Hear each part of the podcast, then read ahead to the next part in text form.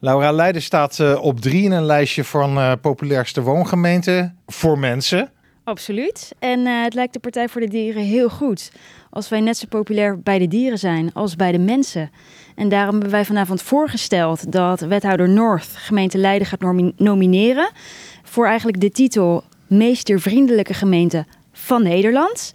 En die nominatie houdt in dat we in ieder geval in een selectietraject terecht zouden kunnen komen. Waarbij wordt gekeken of wij die titel gaan winnen. En dat betekent ook dat we de komende periode gewoon gaan focussen op dierenwelzijn. Extra stappen gaan zetten. En dat we misschien uh, Almere gaan aflossen. Want zij hebben afgelopen jaar die titel gewonnen. Dit is een verkiezing die bestaat al een tijdje. Ja, ik denk dat we daar niet van op de hoogte waren. Uh, Leiden is ambitieus. Nou, je heeft afgelopen jaar dus die prachtige titel, die top 3 gehaald voor de mensen. Ja, en die ambitie mogen we ook tonen voor de dieren. Dat is de hoogste tijd. Nou, uh, heeft Leiden daar nog niet alles aan gedaan, denk ik, om, die, die, om een hoge plek op die lijst te veroveren. De wethouder zei ook, pas volgend jaar hebben we een nieuwe nota dierenwelzijn.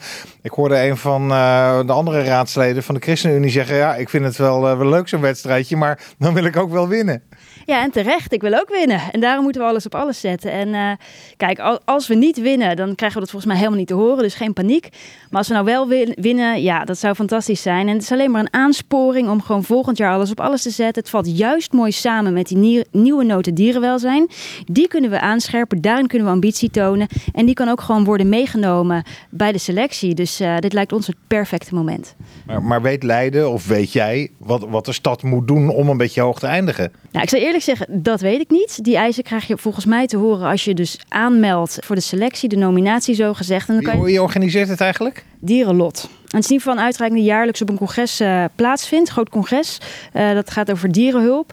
En um, Leiden heeft een wethouder dierenwelzijn. Dat is een ambitieuze man. En uh, ja, wij kunnen ambitie tonen. En dit is gewoon een ontzettend mooi streven. en daar gaan we voor. Kun je wat voorbeelden noemen van dingen waar je zegt, nou dat zouden we in ieder geval moeten doen? Nou, er zijn best wel wat vlakken waarop we nog meer aandacht uh, aan de dieren zouden kunnen besteden. Ik heb zelf echt al meerdere malen aandacht gevraagd voor dieren in uh, veiligheidsplannen.